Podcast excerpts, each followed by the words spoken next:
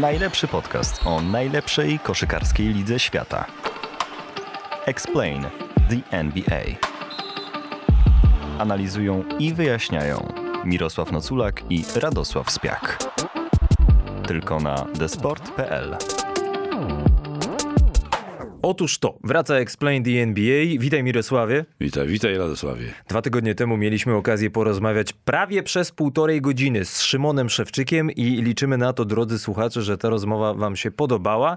Cieszymy się, jeśli tak było, natomiast nie da się ukryć, że w związku z tym, że ponieważ ostatnio mieliśmy gościa, to trochę mniej rozmawialiśmy o aktualnościach. A ponieważ w NBA, jak to w NBA, zwłaszcza na tym etapie sezonu, dzieje się bardzo dużo, bo jesteśmy lekko za połową sezonu zasadniczego, chcielibyśmy wrócić do tego, co się dzieje aktualnie zarówno na wschodzie, jak i na zachodzie. W związku z czym ten odcinek naszego podcastu zaczynamy od subiektywnego przeglądu tygodnia, jak to mamy w zwyczaju.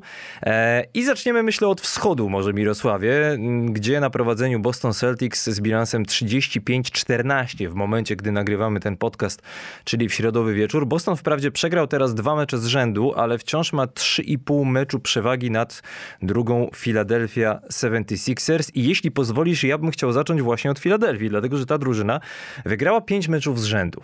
I tak jak na początku sezonu wyglądała naprawdę fatalnie moim zdaniem i nie boję się użyć tego słowa, e, tak teraz ma 18 zwycięstw w ostatnich 22 meczach i z automatu nasuwa się pytanie, czy to jest główny konkurent Bostonu do finału NBA na wschodzie?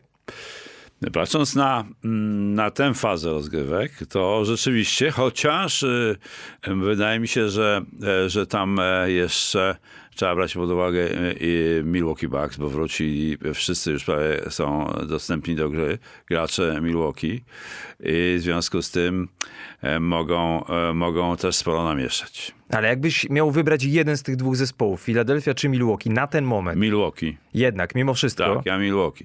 Ja nie mam zaufania do, do Filadelfii, dlatego że mam wrażenie, że tam jest trochę brak kontroli nad tym wszystkim. Takiej yy, mentorsko. Yy, no, takiej, takiej szkoleniowej. szkoleniowej. Yy, ale to, to może się zmienić. Nie wiem, wszyscy narzekają do tego do Caliversa.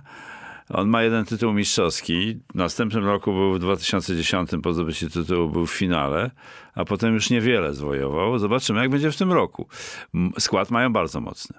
To wiesz, co dla mnie jest bardzo ciekawe w przypadku Filadelfii, dlaczego o niej chciałem porozmawiać, bo biorąc pod uwagę e, statystyki obrony ta drużyna bardzo się poprawiła w porównaniu do poprzedniego sezonu. W poprzednim sezonie ona miała ten e, defensywny rating dopiero 12 w całej lidze. W tym momencie jest na czwartym miejscu ze wszystkich drużyn. Na 100 posiadań traci średnio nieco ponad 111 punktów. I to jest moim zdaniem strona Filadelfii, która jest trochę niezauważana w tym sezonie. Przede wszystkim ze względu na fakt, jak dobrze gra e, Joel Embiid. I ostatnio również, przyznaję to trochę niechętnie, bo nie jestem jego przesadnym fanem, ale również James Harden. Dlatego, że Harden w ciągu ostatnich 20 meczów ma średnie powyżej 21 punktów, 12 asyst, gra bardzo efektywnie, bo ma skuteczność prawie 47% z gry, co teoretycznie nie jest niczym niewiarygodnym, ale jak na niego pokazuje naprawdę spory yy, chciałbym A powiedzieć, rzutów, progres. Liczba rzutów? Liczba rzutów, e, już ci mówię, jeśli chodzi o Jamesa Hardena, jeśli chodzi o łączną liczbę rzutów, dlatego że e, zaznaczyłem sobie tutaj w swoich notatkach, że Harden rzuca średnio ponad 7 razy za 3 punkty, konkretnie to sobie zaznaczyłem, i ma skuteczność z załuku na poziomie powyżej 40%. To, to, już jest, to, już jest, naprawdę dobra, dobra, skuteczność. Przy, bo... przy, odległościach, z których on na ogół e, strzela, bo on zawsze strzela minimum z 8 metrów, rzadko strzela z linii. I, I, ja mam takie wrażenie, jak ostatnio patrzę na Hardena, że może to jest ten moment, kiedy on zrozumiał, że nie on jest najważniejszy w tej drużynie. To byłoby w ogóle jakaś e, epifania a Harden całościowo w tym sezonie, jeśli pytasz całościowo o rzuty, 45% skuteczności. Od początku sezonu, nie tylko w tej ostatniej serii zwycięstw. Znaczy, bo w ostatniej serii powiedziałem 18 z 22 meczów, ale Philadelphia wygrała 5 meczów z rzędu. To warto zaznaczyć. Ostatnio odrobiła ponad 20-punktową stratę do Sacramento i wygrała. E, I ogólnie jak, jak patrzę na Hardena i Embida razem na boisku, to nie dziwię się temu, że oni mają e, ten net rating na poziomie 10+. To znaczy z nimi razem na boisku Filadelfia jest lepsza od rywali o ponad 10 punktów, a oni zagrali w tym sezonie 692 minuty razem. I rating ofensywny Filadelfii jest wtedy jakiś, to jest w ogóle jakiś kosmos. 122 punkty na 100 posiadań. O, to świetny wynik. W związku z czym zaczynam się zastanawiać, ja nie wierzyłem w Filadelfię na początku sezonu, pamiętasz, rozmawialiśmy Tak, o tym. tak. I zastanawiam się teraz, czy, czy może jednak. Y, Wiesz co, tam jest, jeszcze jest y, jedna zagadka w tej, w tej y, czołówce mm, w konferencji wschodniej, to jest Brooklyn Nets i powrót Duranta. To jest, to jest pytanie, po pierwsze, kiedy on wróci, a po drugie, jak to się będzie miało do, do ich wyników. Bo to jest, y, bo, bo, bo mm, to, co mówisz w tej chwili o Fila- Filadelfii, ostatnio mówiliśmy o, o Brooklynkczykach, bo oni mieli tam fantastyczną serię, chyba 9 czy, czy nawet 11 zwycięstw. Zatem, e, zatem to się jeszcze może zmienić. E, Bardzo jestem ciekaw tej konferencji wschodniej. Boston... e, Ja tylko odpowiem na twoje pytanie. Kevin Durant według najnowszych informacji ma wrócić jeszcze przed meczem gwiazd, czyli w ciągu najbliższego miesiąca. On ma kontuzję e, MCL, czyli więzadła bocznego w prawym kolanie. I e, Brooklyn w tym momencie jest na czwartym miejscu za Milwaukee, ma mecz straty do Filadelfii i te dwie drużyny spotkają się w nocy ze środy na czwartek, czyli w momencie, kiedy już będziecie odsłuchiwali ten podcast. No my jeszcze nie wiemy, co się wydarzy. No, tu się może wiele rzeczy wydarzyć, bo Brooklyn ostatnio też mimo tych e, trzech przegranych z rzędu po, mm, e, po, po kontuzji Duranta zaczął wygrywać. Zatem e, może być, może być ciekawie w tym meczu. A grają w e, Brooklynie, czy... E, Grają w Filadelfii. Teraz Filadelfia miała serię pięciu meczów z rzędu na wyjeździe na zachodzie i teraz ma cztery mecze z rzędu u siebie i po Brooklynie przyjeżdżają Denver Nuggets, chciałem zaznaczyć. Czyli lider zachodu. Tak jest. No do zachodu za chwilę dojdziemy. Mnie po prostu ciekawi twoja opinia na temat tego, czy Filadelfia faktycznie jest drużyną, która ma szansę na finał NBA, biorąc pod uwagę, co się dzieje teraz. No, pff, nie jestem w stanie odpowiedzieć na to pytanie, ponieważ ja, tak jak ci powiedziałem na początku, jak powiedziałem na początku, ten e, zespół nie budzi mojego zaufania. Mimo Zatem- wszystko. Ale nie. nie. ze względu na koszykarzy, tylko na trenera. Nie tylko, no bo to jest całość jakaś, prawda? Więc tutaj, e, jeżeli James Harden będzie się tak ograniczał, jak, e, jak, jak mówisz, e, że będzie, e, będzie bardziej grał zespołowo, jeżeli wszyscy będą zdrowi, co jest ważne, szczególnie jeżeli chodzi o Embida, to mogą być bardzo groźni, to się zgadza. No dobra, to ja wybrałem Filadelfię, jeśli chodzi o ostatnie tygodnie. Kogo wybrałeś ty na wschodzie do Ja wybrałem Miami. Okej, Dlatego, Miami że, że na Miami, szóstym miejscu. Miami jest na szóstym miejscu. Dwie i- wygrane z rzędu, bilans 27-22, dwa mecze do Cleveland i jeden mecz przed Nowym Jorkiem. I oni, y, oni są taką, w takiej sytuacji, Miami, że mm, hmm, zaczęli fatalnie. Podobnie zresztą jak, jak Filadelfia i szczerze mówiąc y, niechętnie się im przyglądałem w pewnym momencie, dlatego że, że grali, mieli mnóstwo kontuzji, grali, grali naprawdę nieciekawie, choć to jest zespół, który zawsze mnie fascynował, głównie ze względu na Eryka Spelstra, dlatego że to jest, to jest moim zdaniem jeden z najlepszych trenerów, mm, e, na pewno czołówka trenerów e, NBA. I oni mają właśnie ten wskaźnik obronny, nie wskaźnik, tylko mm, liczbę punktów, które pozwalają zdobyć przeciwnikom, są na drugim miejscu. Więc to, jest dobra obrona. Natomiast wszystkie inne wskaźniki mają powyżej 20. Czyli No atak jest trzeci atak od jest- końca. Atak jest trzeci od końca, ale w tym, y, w tym w posiadaniach. Natomiast w bezwzględnych jest na ostatnim miejscu. Punktów e, zdobywanych, e, zdobywanych w grze. Ale co jest tego przyczyną? To jest pytanie. To jest, e, znaczy to jest, to jest ciekawe, dlatego że oni mają w sumie aż sześciu graczy z dwucyfrową zdobyczą. Co prawda te zdobycze nie są jakieś takie wyjątkowe, to jest e, 20 plus. Trzech graczy 20 plus, Adebayo, Butler i Hero. E, czyli to są, to są dobre wskaźniki. E, natomiast, e, natomiast e, też mają problem moim zdaniem z, mm, z taką regularnością graczy, którzy są ważni, tacy jak e, Oladipo, czy Robinson, Duncan Robinson, który jest w tej chwili kontuzjowany, leczy kontuzję e, palca. To, to, to, to tutaj jest pewna, e, pewna nierówność. Oni mają e, pełny skład, w zasadzie tam jest dwóch kontuzjowanych graczy. Zatem ich, ich gra ostatnio jest, jest taka, tak fajnie się układa, że od 13 grudnia mają 15-7 y, jeżeli chodzi o, o, o czyli 15 zwycięstw, 7 porażek, natomiast wcześniej mieli 12-15, więc początek, przed 13 grudnia, początek ligi był słaby. Ja jestem, ja jestem zwolennikiem Miami, dlatego że po pierwsze, oni byli w ubiegłym roku w finale konferencji i, i, i cudem to Boston wygrał, trzeba powiedzieć. Mają mm, e, zorganizowany atak słabiej, ale obronę, dlatego że Erik Spelstra stosuje różne formy obrony strefowej. On jest moim zdaniem jednym z tych trenerów, właściwie według mnie u niego zauważyłem najwięcej wstawek obrony strefowej, odkąd to się zaczęło w NBA. E, To jest moje spostrzeżenie, nie, nie musi się e, być zgodne z prawdą, ale, ale zwróciłem uwagę na to e, w grze Miami. Szczególnie było to widoczne w bańce, jak pamiętasz. Oni tam bardzo dużo grali obroną strefową. I to różne są ustawienia, od klasycznej 2-3 przez 1-2-2 albo 3-2.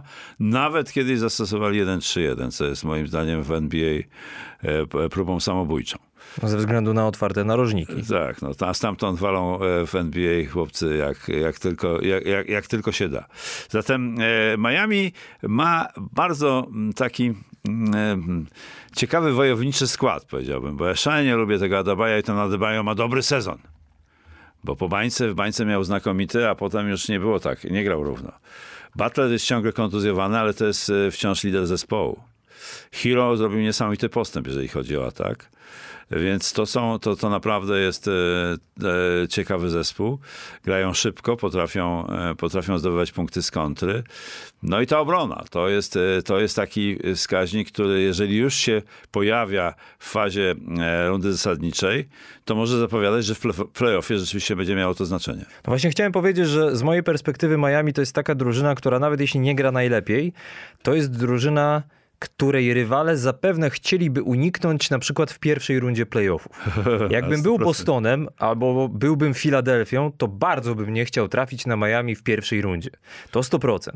E, Dużo moim zdaniem mimo wszystko zależy od zdrowia Jimmy'ego Butlera. On w tym sezonie w ogóle ma najlepszą skuteczność w całej karierze, jeśli chodzi o rzuty za dwa punkty.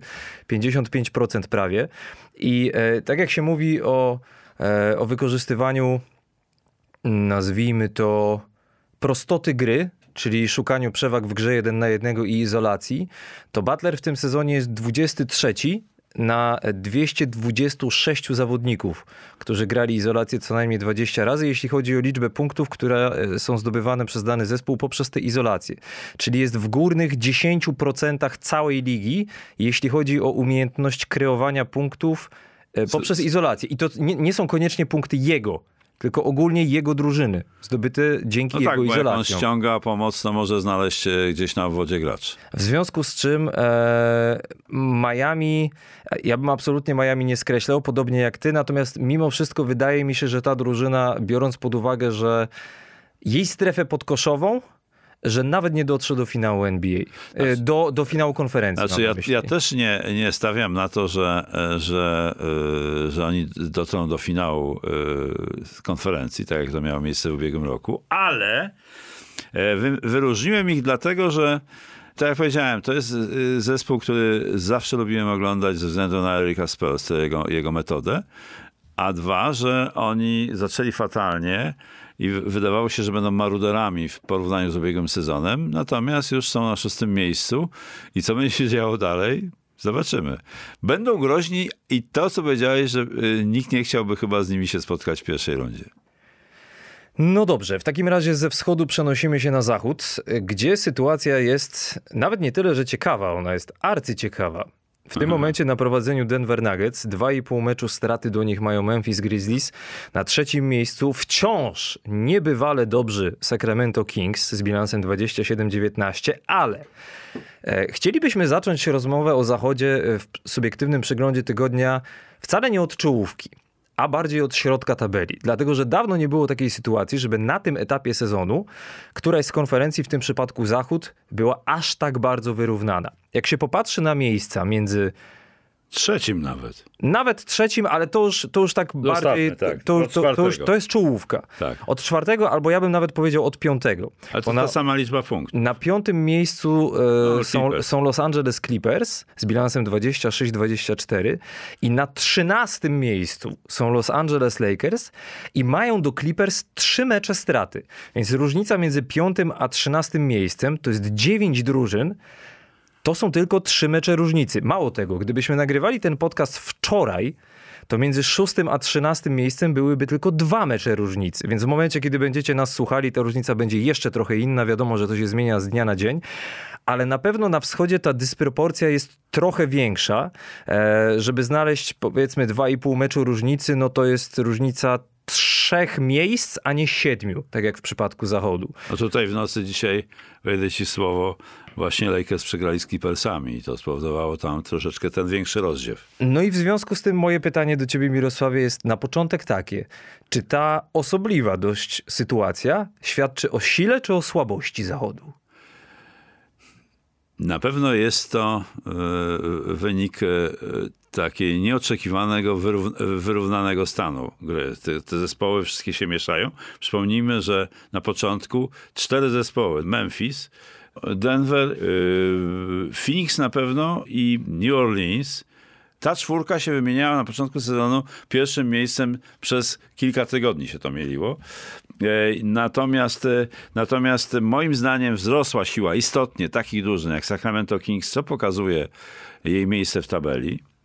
Nie grają tak, jakbyśmy się spodziewali e, e, t- twoi ulubieńcy i trochę moi, czyli Clippersi, ale są już na piątym miejscu. Mm, Dallas Mavericks gra nierówno, choć e, wydawało się, że dojście Christiana Wooda y, no i coraz większe doświadczenie mm, tego zespołu, a szczególnie Luki Doncicza to, to, to, to zagwarantuje. Są na szóstym miejscu. E, Phoenix Suns e, się odradzają po katastrofalnym okresie. Utah Jazz od początku, o właśnie Utah była na początku chyba liderem nawet e, konferencji zachodniej w pierwszych meczach. Między 7 a 12 listopada. Właśnie. I, i I potem między 19 a 21. teraz jest, e, miesza się to wszystko Minnesota Timberwolves, która dla ciebie była jednym z faworytów do finału konferencji A, daj zachodniej. spokój. że ci wypomnę, tak? No i zaskakująca jest niska pozycja Golden State. Oklahoma City gra na dziesiątym miejscu. Oklahoma City, no rozwija się ten młody zespół niesamowicie. Jest ograć każdego w stanie. Portland Trail Blazers gra nierówno, ale ma też ciekawy zespół. No Los Angeles Lakers to, jest, to są goście, którzy grają od ściany do ściany. E, Ciągle nękani kontuzjami. E, Davis, Anton Davis ciągle jest na, na, na, na, zwolnieniu lekarskim, że się tak wyrażę. W związku z tym, w związku z tym ta fluktuacja zawodników związana z kontuzjami powoduje taką, e, taką zmienność może wyników. Być może to jest jedna z przyczyn. No to czyli wychodziłoby na to, że to jest słabość. No bo jeśli to zależy tylko od zdrowia, Ale jeżeli jest to spowodowane tymi, tym, e, o czym mówię, i jednocześnie ci, którzy ich zastępują, dają radę i wygrywają sporo meczów, bo tu jest sporo e, wygranych meczów, mają te drużyny, to. e, to no w tym znaczy- momencie jest 7 drużyn z dodatnim bilansem. Czyli powiedzmy, że połowa, no na 7, 15. 7, tak. E, No tak. Ósme jest- ma równy i potem tak. się zaczynają te ujemne. No więc ja myślę, że to, e, że to jest. e, mo- O słabości może świadczyć e, gorsza, gorsza pozycja mistrzów. Czyli Golden State. Golden State. Natomiast o, o, e, o, o przewagach, e, o plusach Zachodu może świadczyć to, że zespoły takie jak właśnie Sacramento czy Nowy Orlean, choć po Nowym Orleanie spodziewaliśmy się sporo po odejściu mm, Zajona, to to, mm, no, to, jest, to, jest, to są plusy moim zdaniem. Bo wiesz, dlaczego zadałem to pytanie? Bo chodzi mi o to, że zazwyczaj y, siłę konferencji mierzy się mimo wszystko tym, jak wyrównana jest czołówka. A wbrew pozorom ta czołówka nie jest jakoś przesadnie wyrównana, bo Memphis po trzech porażkach z rzędu ma 2,5 meczów straty do Denver, a potem Sacramento ma już 6 meczów straty do Denver. Więc biorąc pod uwagę etap sezonu, na którym się znajdujemy, czyli jesteśmy w okolicach 50 meczu, nie wydaje się, żeby walka o zwycięstwo na zachodzie toczyła się do końca sezonu między innymi drużynami niż Denver i Memphis. Ja A tego ja- za bardzo nie widzę. A ja uważam, że tak może, że może być inaczej. Jednak. Tak, dlatego że właśnie to, ta wyrównana stawka tych pozostałych zespołów wy, wyhartuje ich albo zahartuje ich do gry w playoffie. To mogą być e, bardzo groźne zespoły, bo i to każdy z nich może być. Od Nowego Orlanu zaczynając, jeżeli wróci, będą grali w pełnym składzie z, z Zionem i z, Z Ingramem. i z Gramem. E, No Clippersi ostatnio już grają w pełnym składzie i tak, tak jak zmasakrowali Lakers dzisiaj w nocy trójkami, to, to rzadko się zdarza. E, Dallas to jest, to jest bardzo duża niewiadoma, bo przypomnijmy ubiegłoroczny finalista Konferencji. konferencji. Phoenix, nazwałem ją przed podcastem Starą Damą. Nie wiem dlaczego, bo oni w playoffach rzadko grali ostatnio, ale... ale, ale Phoenix? W playoffach rzadko? No jak? No trzy lata, e, trzy lata. Aha, masz na myśli Jakiś ogólnie dłu- ten, dłuższy dobra, okres, jakiś tak. dłuższy okres. Nie, no, Tak. w ostatnich sezonach, jasne. E, Stąd to, stara dama to trochę przesada. No Utah wiadomo zawsze byli w czołówce. Minnesota ma bardzo silny skład. No a mistrzowie, mój drogi, się odrodzą. Jestem przekonany. Znaczy, do, jeśli nie zaczną wygrywać na wyjazdach, to się nie odrodzą. No tak, moim mają zdaniem. chyba... mają- 6-18 mają. Już mają momencie 18. Ja, ja, ja byłem na etapie 4-16. Znaczy, wiesz, bo z tego, co mówisz, wynika, że nawet Los Angeles Lakers mogą się znaleźć w playoffach. Mogą. Ja nie mówię o play-inach, ja mówię o playoffach bezpośrednio z szóstego miejsca, bo do szóstego miejsca Mają. tracą w tym momencie 2,5 meczu. Tak, LeBron. James ma jeszcze 177 punktów w momencie, gdy nagrywamy ten podcast do Karima Abdullah-Jabara No i myślę, to. że jak w końcu ten rekord pobije, to będzie z korzyścią dla drużyny jako takiej, bo się skończy ten temat w końcu. W końcu przestaną wszyscy o tym mówić, przestaną o tym gadać. Dobra, pobił tego Karima Abdullah-Jabara, może się skupmy w końcu na wygrywaniu. Swojego kolegę z drużyny.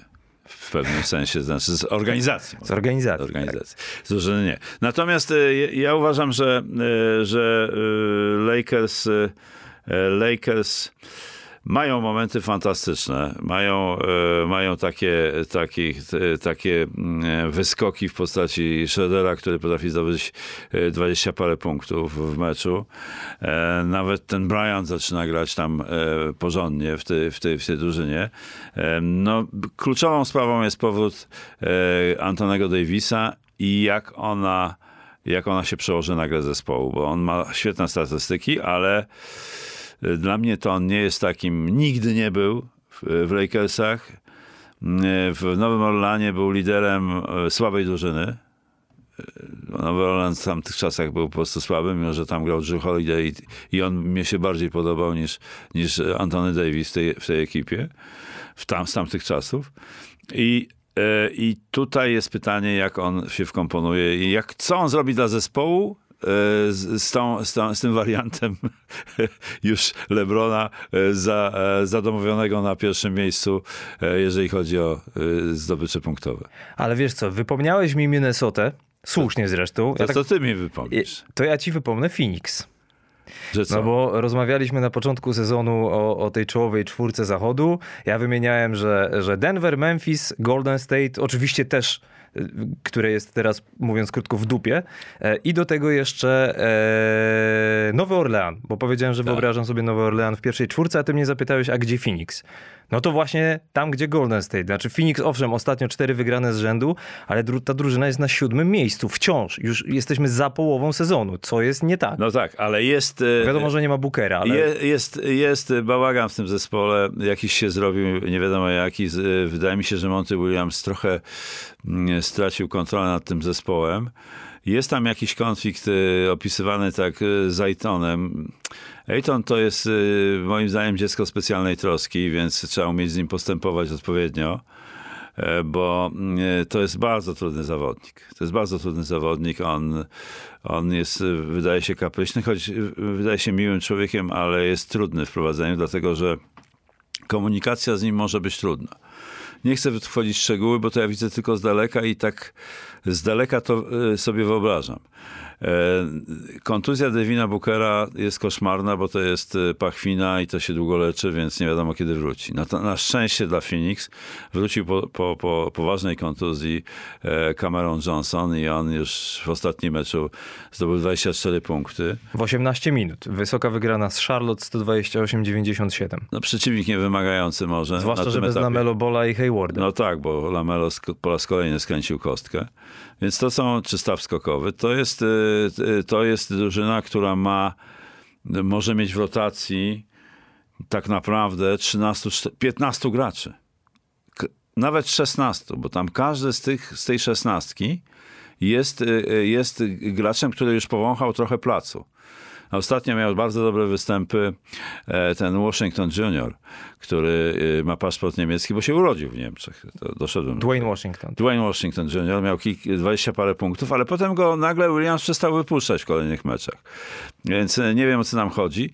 Tym bardziej, że, że Cameron e, e, Penn jest ciągle kontuzjowany, czyli zmiennik, e, zmiennik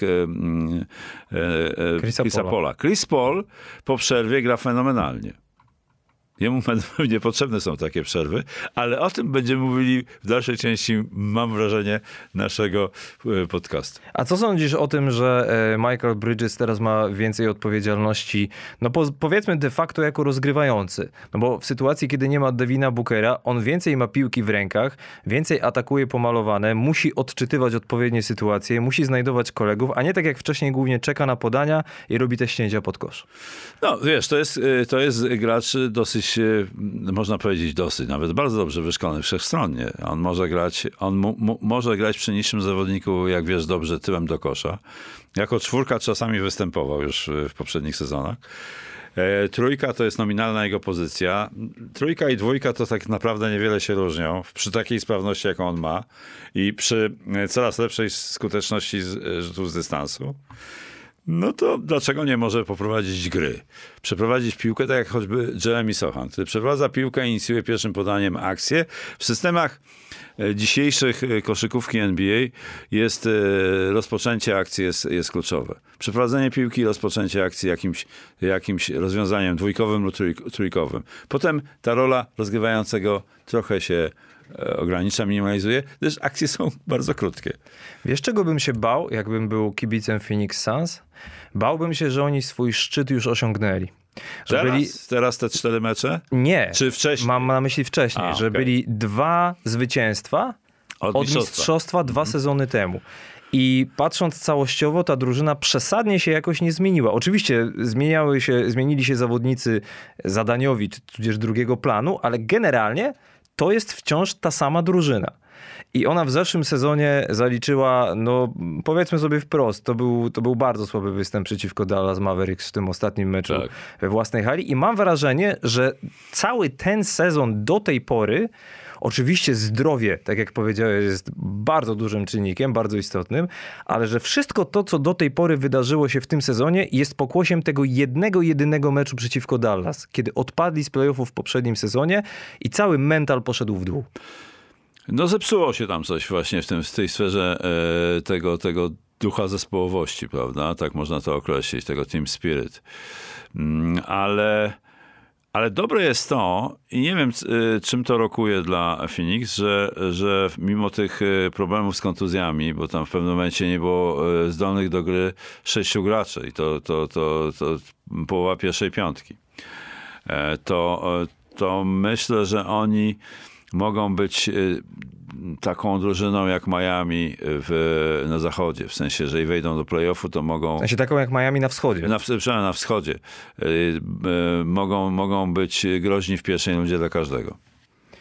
Nie twierdzę, że dojdą do finału, bo e, jestem daleki od tego. Natomiast mm, podobało, podobało mi się w, Phoenix, podoba mi się w Phoenix to, że oni wyszli z tego niesamowitego doła, kiedy przegrali tam 7 czy 8 meczów z rzędu i, e, i teraz e, mają cztery zwycięstwa, zbierają się pod względem zdrowotnym jako drużyna, ciekaw jestem dalszego, dalszego e, grania Phoenix. No, oni mieli pięć przegranych z rzędu na początku grudnia, potem mieli sześć przegranych z rzędu na przełomie grudnia i stycznia. Tak. W tym momencie cztery zwycięstwa z rzędu i teraz przed nimi e, mecz u siebie z Dallas, na wyjeździe z San Antonio, u siebie Toronto, Atlanta, no więc okazja trochę do podreperowania bilansu, który w tym momencie wynosi 25 zwycięstw, 24 porażki. Taki sam swoją drogą jak Dallas Mavericks którzy są e, przed nimi w tabeli zachodu na szóstym miejscu. Phoenix jest na siódmym i to jest właśnie ta ostatnia drużyna na zachodzie z dodatnim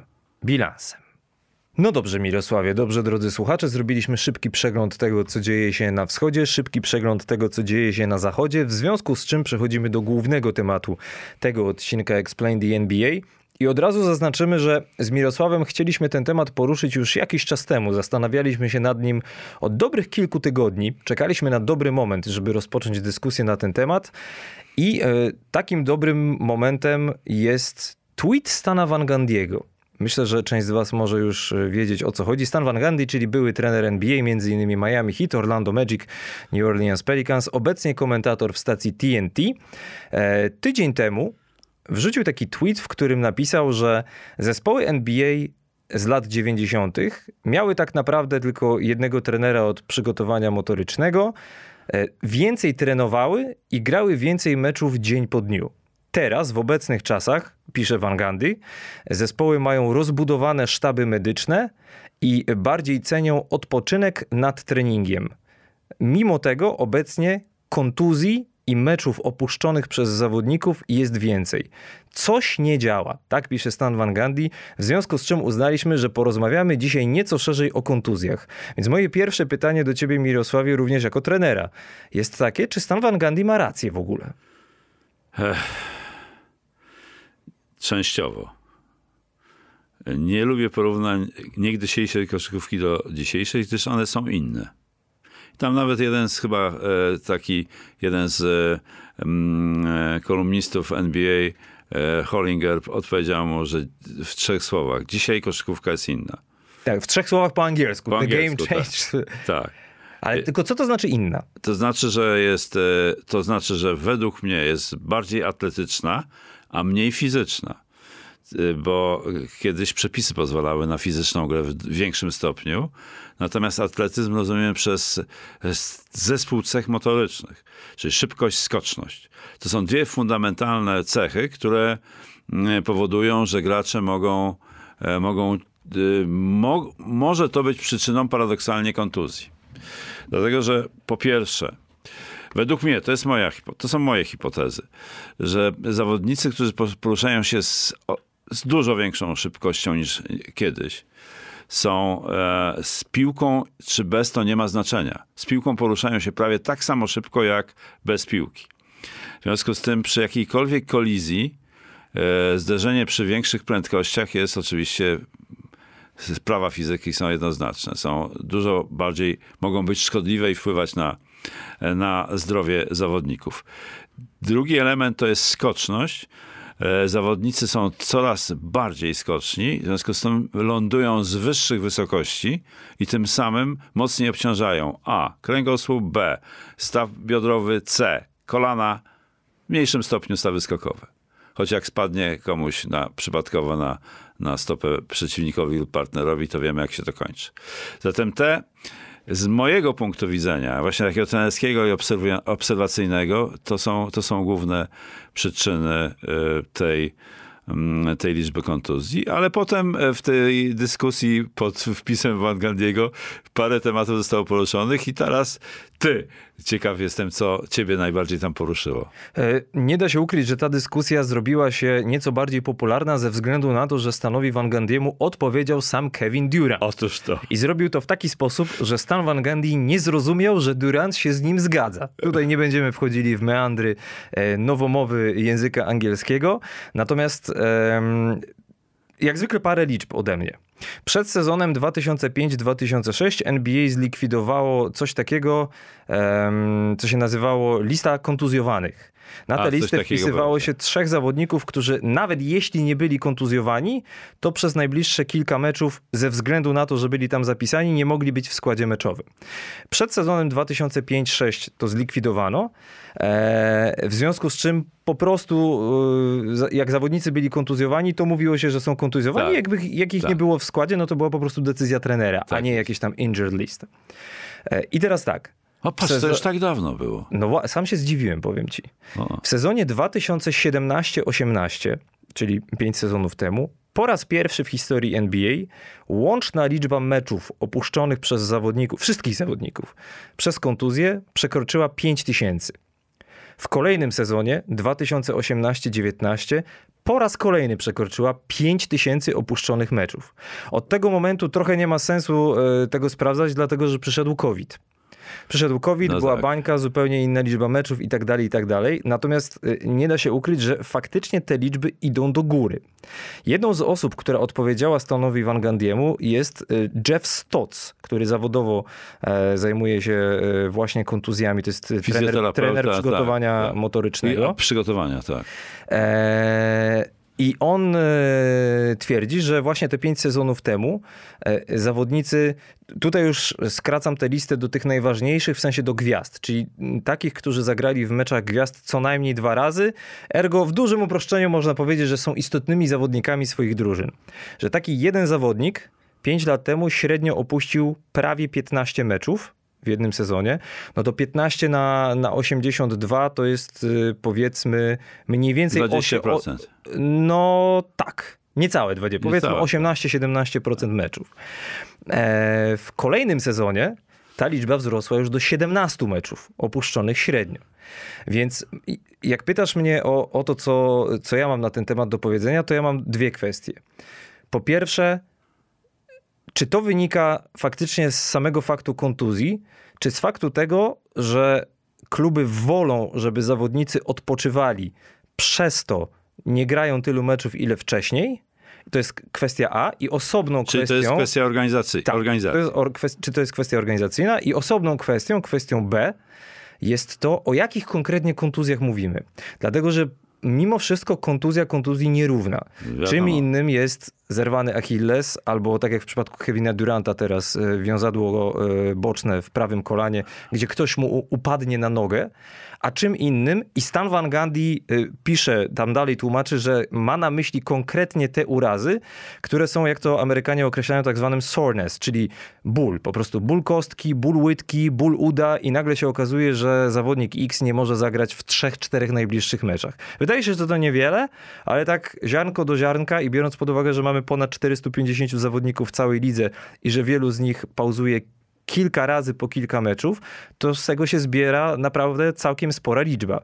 Więc Stan Van Gundy zaznacza, że, e, że w zasadzie po co są te rozbudowane sztaby medyczne? To jest, to, to, to jest jego, może nie clue wypowiedzi, ale y, ponieważ wspomniałeś Johna Hollingera, który wcześniej pracował dla ESPN, y, właśnie jemu bezpośrednio odpowiedział Van Gundy i odpisał, sorry John, ale ja tego nie kupuję. Gra jest szybsza, ale mniej fizyczna, co zresztą sam podkreśliłeś, i że to, co się naprawdę zmieniło jego zdaniem, to jest system oceny. Że y, skoro te sztaby medyczne są tak rozbudowane i są tam w domyśle po to, żeby bardziej dbać o zdrowie zawodników, to oni nie powinni opuszczać takiej liczby meczów.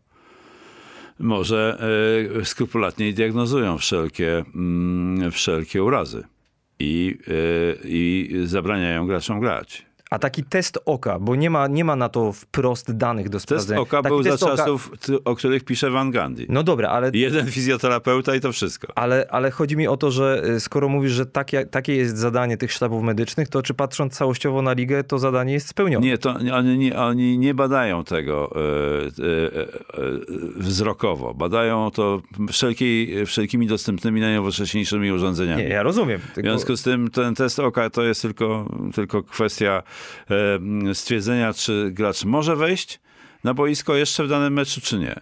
A potem dopiero się zaczyna poważne diagnozowanie.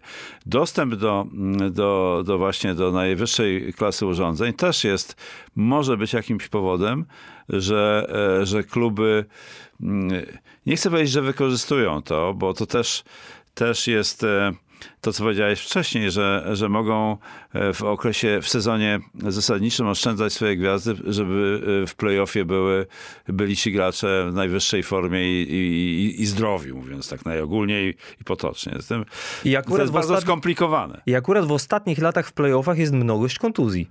W poprzednim sezonie w playoffach w ogóle nie grał Kawhi, znaczy Clippersów w ogóle nie było w playoffach, no ale nie było go przez cały sezon. Jamala Mareya nie było. Tutaj kontuzja. Chris Middleton odpadł w playoffach.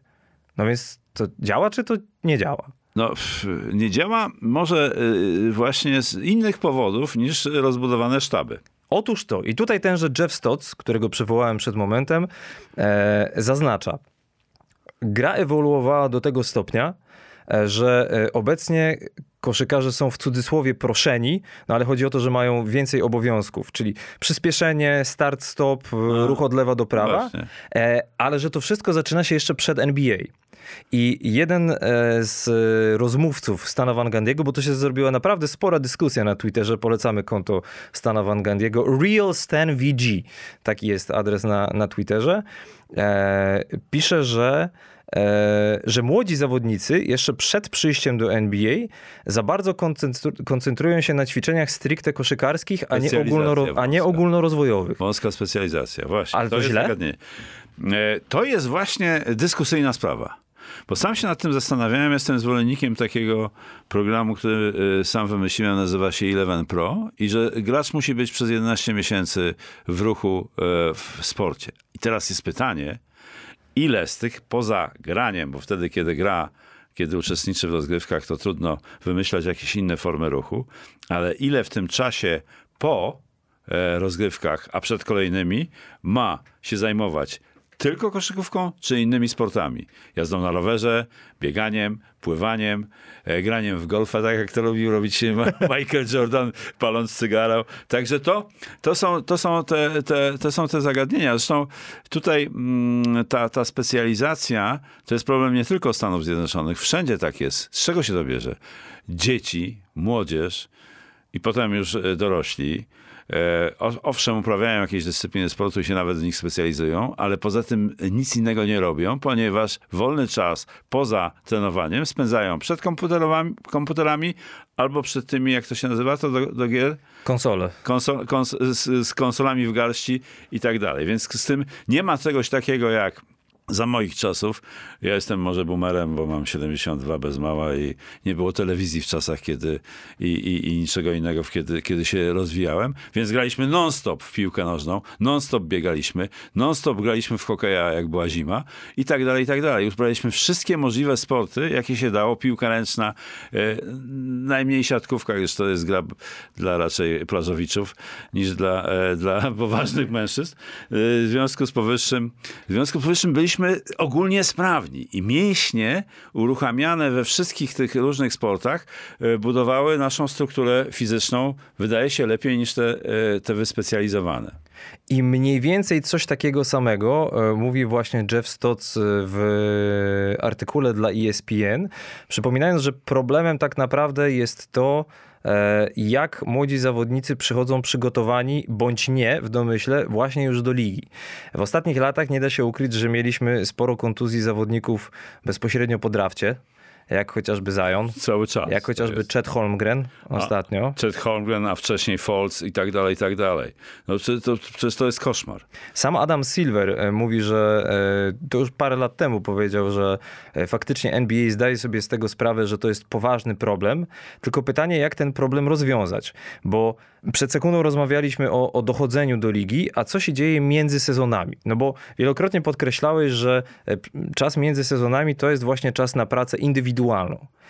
A na przykład, i tutaj mam e, wypowiedź e, Gary'ego Wittiego, który przez 32 lata był trenerem od przygotowania atletycznego w Los Angeles Lakers i on twierdził, że koszykarze Los Angeles Lakers za najlepszych czasów w wakacje, w przerwie międzysezonowej praktycznie nie dotykali piłki.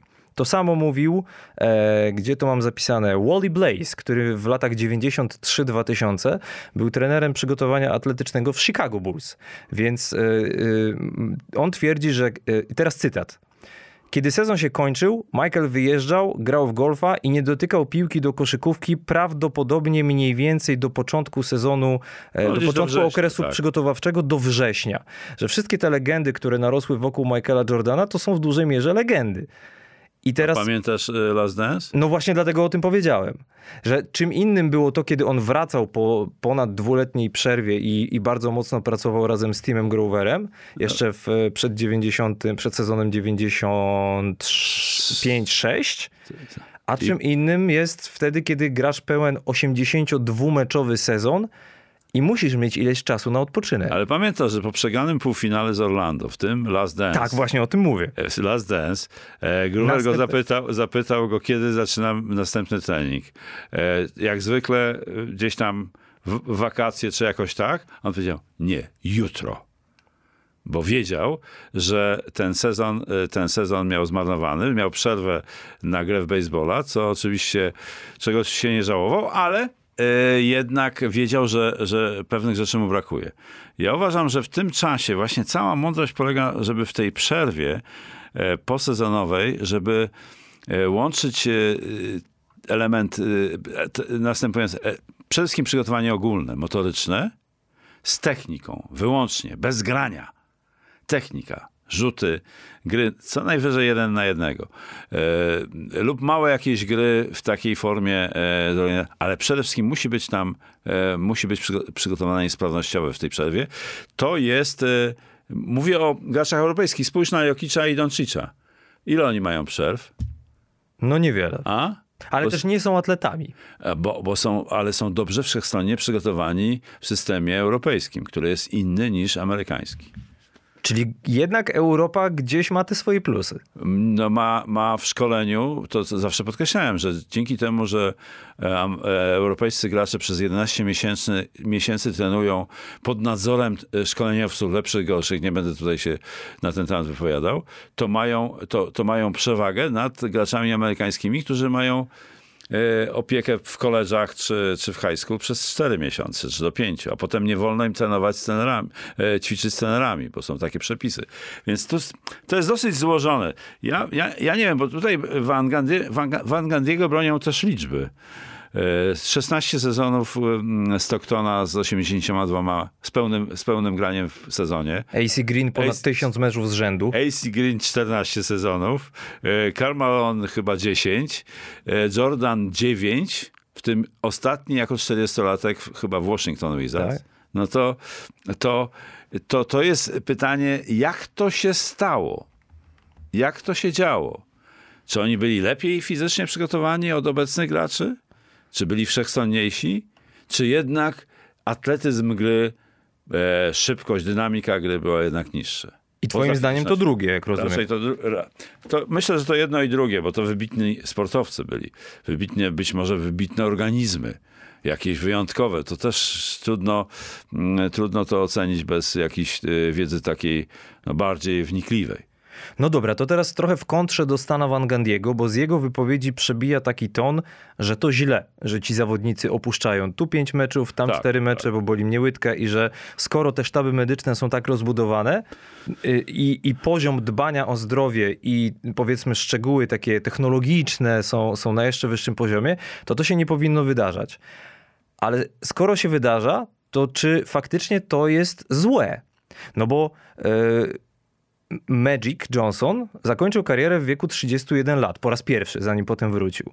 Larry Bird w wieku 33. 35 lat, Pięciu, pięciu. w 92 roku. Eee, Isaiah Thomas w wieku 32.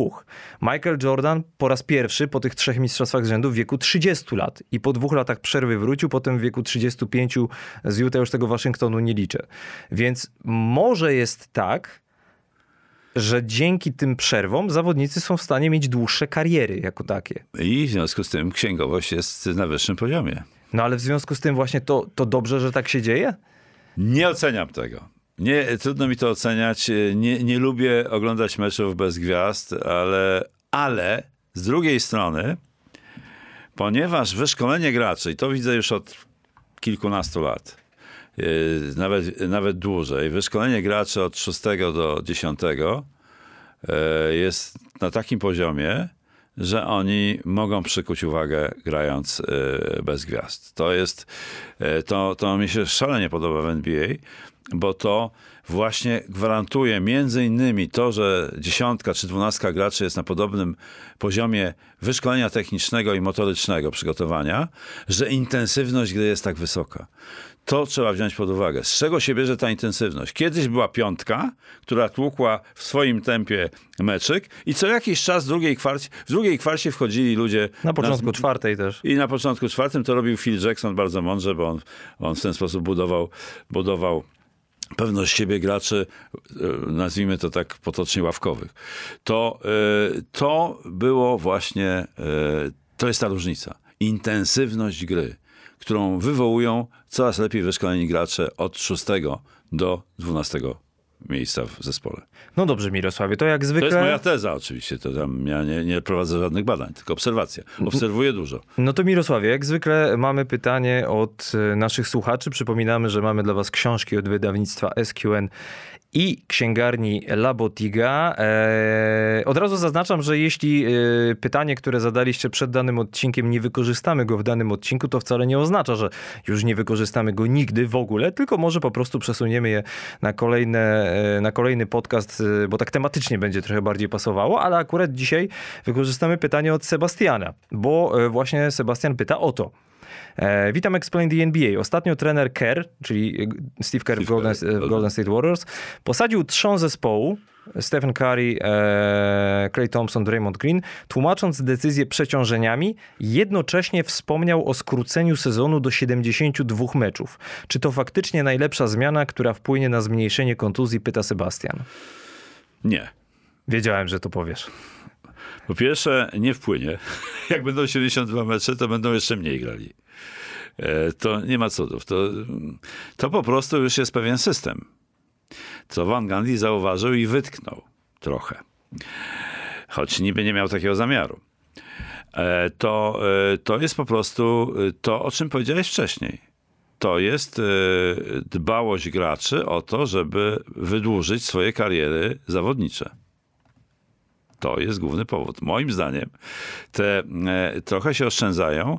Idzie to kosztem e, kibiców, ale nie aż takim, o czym mówiłem wcześniej, jakby to się mogło wydawać. No dobra, ale skoro oni się oszczędzają po to, żeby, e, żeby mieć dłuższe kariery... Niech I, to... I playoff, i playoff, to też okay. jest ważne. I playoffy, no, e, no to niech będzie, że, że to są te dwa czynniki, a może jeszcze jakieś inne, ale niech będzie, że jednym z powodów jest chęć właśnie e, grania na najwyższym poziomie w playoffach i ogólnie grania dłużej.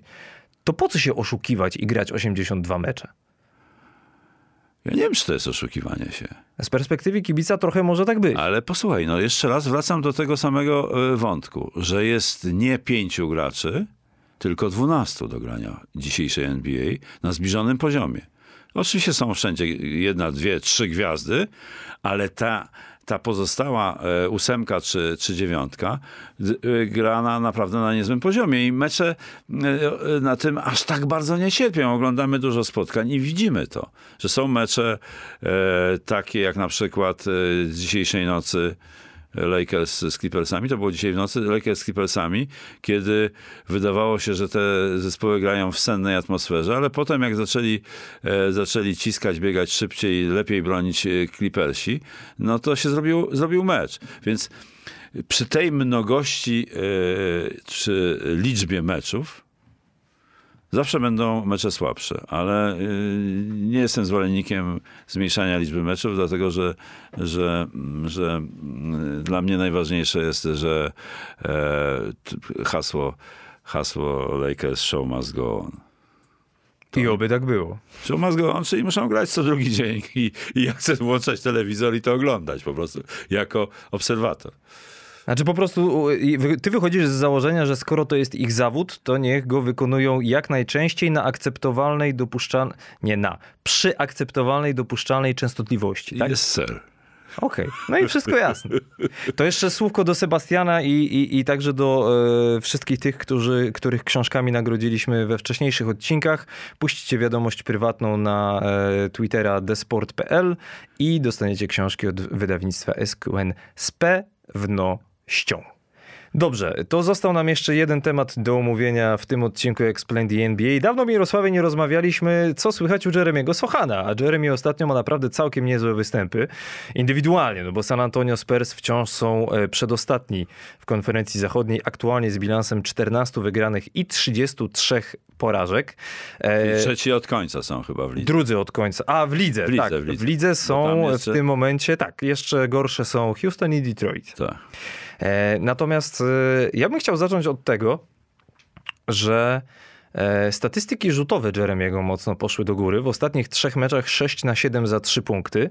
Jak się popatrzy w ogóle na statystyki Jeremiego, postawi się taką krechę po jego pierwszych 23 meczach w sezonie, że powiedzmy po lewej stronie mamy jego pierwsze 23 mecze, a po prawej ostatnie 18. To różnica jest taka. Prawie plus 5 w średniej zdobywanych punktów, plus 2 w zbiórkach, plus pół w asystach, skuteczność rzutowa plus 2 punkty procentowe, skuteczność rzutów za 3 plus 18 punktów procentowych, skuteczność rzutów wolnych prawie plus 30 punktów procentowych przy średnio 4 minutach więcej na boisku. Dlaczego taki podział, że 23 i 18? Dlatego, że to był moment, w którym zaczął rzucać rzuty wolne jedną ręką. Mhm. Czy to twoim zdaniem ma przełożenie na tę skuteczność za trzy? Nie. Dlaczego nie? Nie wiem. Nie, nie sądzę. Nie sądzę, bo, y, bo rzuca z drugą ręką z dystansu, więc jeżeli mu przeszkadza ta ręka według teorii, która spowodowała, że on zaczął rzucać jedną ręką rzuty wolne, taką słyszałem teorię, bo być może jest, inna, jest inny pogląd na ten temat w samym sztabie szkoleniowym, bo być może nie wykluczam, chociaż to o tym decyduje anatomia. Udało mu się ten nadgarstek y, dzięki rzutom jednorącz ułożyć lepiej, y, lepiej do, do rzutu z dystansu, ale nie chciałbym w to wchodzić, bo to jest bardzo skomplikowane zagadnienie. Trzeba by badać to urządzeniami elektronicznymi najwyższej, wyż, najwyższej próby. Nie uważam, żeby to, był, żeby to był transfer. Transfer jest gdzie indziej, moim zdaniem. No w gdzie? głowie Jeremy'ego Sochana. On to jest moje przypuszczenie oczywiście. Ja nie, ja nie rozmawiałem na ten temat z Jeremim ani z nikim, tylko obserwując go, doszedłem do takich wniosków, że pie, przez pierwsze 20 te mecze, czy, czy mecze, mówiło się wyłącznie o tym, jakim on jest fantastycznym obrońcą, jakie ma nieprawdopodobne możliwości w obronie. No a w ataku to musi jeszcze się nauczyć wiele. Co tak? zrobi, to zrobi. Co zrobi, to zrobi. Co mu się uda, to jego, a co nie, to nie. I myślę, że tu nastąpiła zmiana nastawienia. On przesunął akcent, prawdopodobnie to była też decyzja Popowicza z sztabu szkoleniowego, przesunął akcent na grę w ataku kosztem obrony. Bo nie broni y, tak. Jak patrzyłem, jak bronił e, Kałaja, to po prostu żal e, mi ściskał serce. Z tylko przyzwoitości powiem, że to chodziło o serce, a nie o co innego. E, jak patrzyłem, jak bronił Doncicza, to, to, to było po prostu słabe. I w związku z tym on y, na, natomiast skoncentrował się na ataku i uważam, że to jest dobre, dlatego że jego, jego obron, y, gra w obronie, jego możliwości gry w obronie podniosą się bardzo szybko, kiedy, y, kiedy a, a chodzi o to, żeby nabrał pewności w ataku. Żeby te umiejętności, które praktyczne, które zdobywa teraz w trakcie gry, że one stają się, że one się stają już coraz bardziej skuteczne. Dzięki pewności siebie którą na, której, której nabył grając po te prawie 30 minut średnio w grze. Tę pewność siebie dobrze też było widać w meczu przeciwko Brooklyn Nets, kiedy trafił rzut za trzy punkty odpuszczony przez Markifa Morisa, a potem po drugiej stronie boiska, jak e, Morris postawił przy nim nie do końca dobrą zasłonę. Nie, no nie, fał tam był na To było przewinienie. E, Jeremy po prostu ściągnął go razem ze sobą na parkiet i no nieomal wywiązała się bójka i co najlepsze jest to, Markif Morris e, powiedział później, że całkiem zrobił na nim wrażenie Jeremy Sochan tym zachowaniem, przy czym powiedzmy, że to zachowanie to było po prostu rzucenie rywala ze sobą, pociągnięcie go na parkiet. To był, to był, to był zapas, zapaśniczy, zapaśniczy e, akt i e, jeden z naszych słuchaczy, Jakub Kaliski, napisał, że to jest e, Jeremy Sochan na Morisie wykonał rzut boczny o średniej amplitudzie. Okej. Okay. To jest nazwa fachowa zapaśnicza. Uważaj, jeszcze raz powtórzę. Sochan na Morisie wykonał rzut boczny o średniej amplitudzie. Sochan otrzymałby dwa punkty, gdyby to była walka na macie. Pozdrawiam, Jakub Kaliski. My też Pozdrawiamy pozdrawiamy również. Więc to jest... y, To jest Czego to się człowiek nie dowie? Widzisz, widzisz. A ja jeszcze mam inną interpretację. Sochan jest cwaniak i on zrobił to z premedytacją, ale zrobił to tak, że ja miałem wątpliwości oglądając to, czy on przypadkiem y, ściągając go w ten sposób nie ratował się przed upadkiem sam, ponieważ był wy, wytrącony, z, y, wytrącony tym uderzeniem z, y, no jednak z równowagi. Tym uderzeniem barkiem przez Morisa. Ja sobie to tak interpretuję y, i mam prawo. O, Jak najbardziej. Znaczy, ja ci powiem tak. E, moim zdaniem, oczywiście, absolutnie się zgodzę z tym, że on jest cwany, bo jest, ale ja mam wrażenie, że on też trochę testuje, na co może sobie pozwolić wśród bardziej doświadczonych Bo jest zawodników. diabeł inteligentny. Jest cholernie inteligentny i, i, i co świadczy o tym, e, co może podbić mu, mój argument, e, to jest to, jak on się zachowuje już po tego typu zdarzeniach. Znaczy nie mam na myśli prawie bójki czy bójki, ale było już kilka takich momentów w tym sezonie, kiedy na przykład niby to chciał podać rękę Antonemu Edwardsowi z Minnesoty, żeby pomóc mu wstać z parkietu. W ostatnim momencie tę rękę zabrał. E, Tak samo było w meczu z Portland, o ile dobrze pamiętam, z Jusufem Nurkiciem i potem kamera pokazuje Jeremiego i on robi taki, ja teraz do Mirosławia te, robię takie mrugnięcie okiem, że widać, że on na, po tym starciu z Morrisem on popatrzył na ten tak zwany jumbotron, czyli na, na ekran nad, Tak. nad parkietem, zobaczył, że kamera pokazuje jego właśnie i znowu taki delikatny uśmieszek i mrugnięcie okiem. To znaczy, że on bardzo dobrze zdaje sobie sprawę i wyczuwa to, no i też, tak jak mówię, testuje, na co może sobie pozwolić wśród Tam była jeszcze w tym meczu doświadczonych. ym, jedna sytuacja, kiedy on wchodził pod kosz, bo on dużo używa teraz tego Eurostepu e, przy wejściach. Wchodził i, i przewrócił e, w, w ataku Morisa.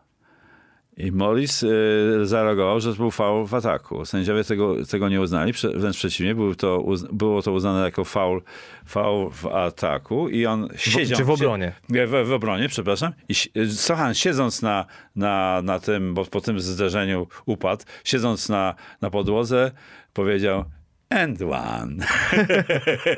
Ale czyli, ale czyli, czyli sugerujesz, że on tego typu zachowaniem też stara się trochę pod siebie ustawić sędziów? E, nie aż tak, nie aż tak, nie ma szans. Nie ma szans. Za wcześnie, ale już gra z nimi.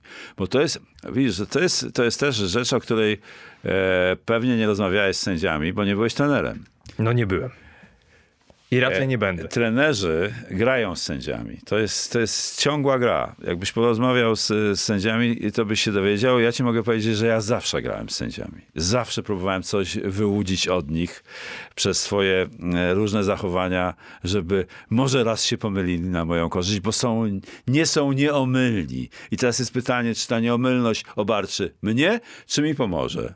Wolałbym, żeby, mnie, żeby, żeby mi pomagała. W związku z tym jeden i drugi trener e, grają sędziami o te takie e, piłki niczyje, które się zdarzają w meczu i sędzia nie wie, w którą stronę i mówi Poland na przykład. Miałem taką sytuację, ale to na inną okazję.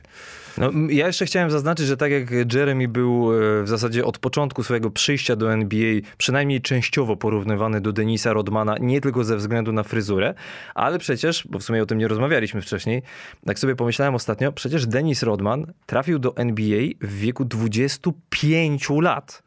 No tak. Jeremy ma 19 Tak. lat, więc jak sobie wyobrażę, co on będzie w stanie e, zrobić w wieku 25, no to naprawdę serce rośnie. Tak E, powiedział. czekam, e, czekam wszyscy z niecierpliwością, jak on się będzie rozwijał, a rozwija się. Ale A tak. zwłaszcza, że, przepraszam, jeszcze jedno, żeby mi to nie wypadło z głowy, bo bardzo chciałem to powiedzieć.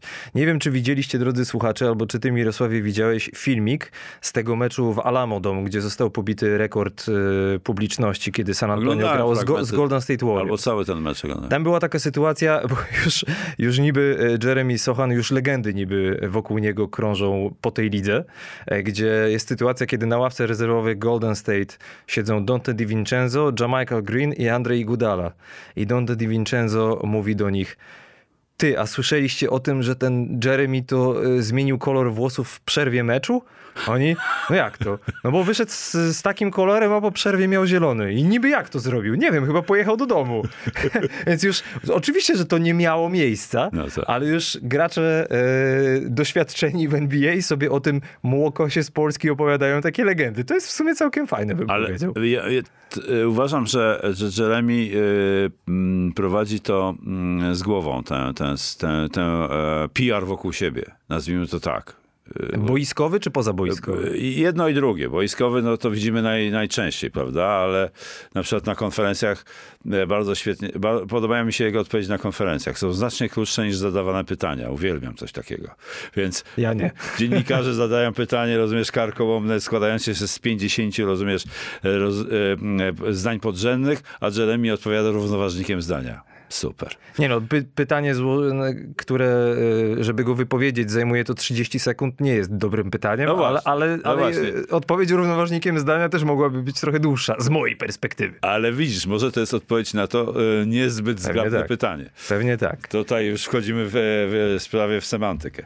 Ja bym chciał powiedzieć jeszcze o tym, co Jeremy, jak, w czym się poprawił. Ależ proszę bardzo. Jeremy poprawił się w, głównie w ataku. Głównie w ataku i to są takie rzeczy jak rzut po koźle, bardzo trudny, z wyskoku i nawet z fadeawayem, z półdystansu. Z odchyleniem tak zwanym. Tak, tak, o przepraszam, z odchyleniem, tak. Barbaryzm. Dobrze, że mnie złapałeś. Dobrze, Tak. pilnuj, dziada. I teraz uważaj, to jest, to jest jeden element. Rzuty za trzy, ta poprawa skuteczności rzutów za trzy, to jest dla mnie jeszcze tajemnica, dlaczego tak się dzieje, ale przede wszystkim go nie kryją, odpuszczają go.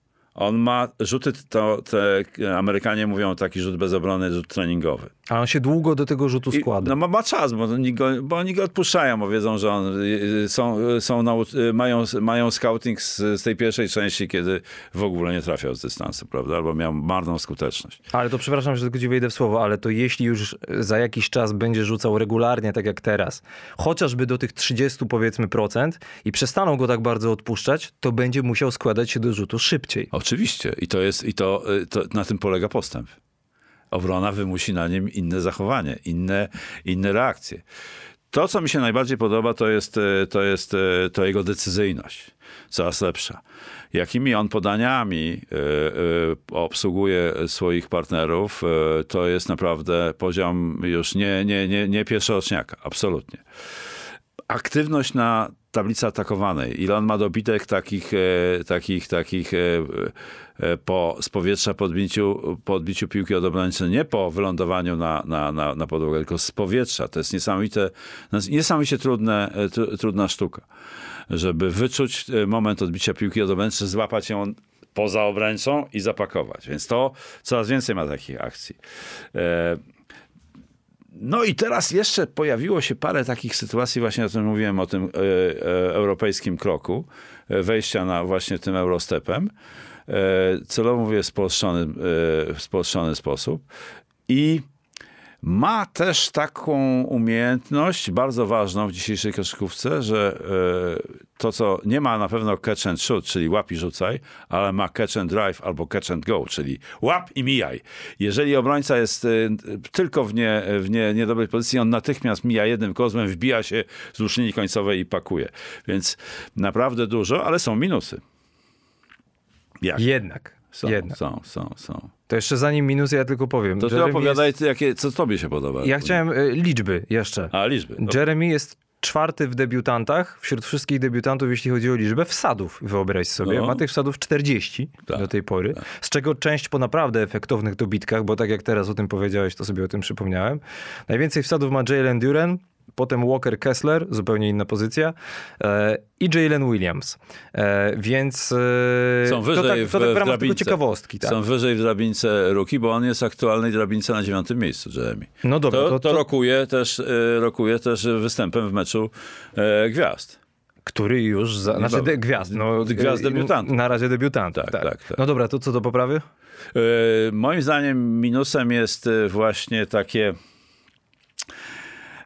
takie zauważyłem ostatnio takie przestoje i brak inicjatywy. To ciągle jeszcze ma. To musi poprawić. Że chowa się i nie, e, nie niby ci komentatorzy, szczególnie San Antonio, mówią, że to jest człowiek, który jest ciągle w ruchu ciągle w podróży, więc, więc to, jest, to jest jego cecha, ok. E, ale, ale też to, co, e, to, co, to, co zauważyłem, to, co jest do poprawy na pewno, to jest tak zwana technika meczowa.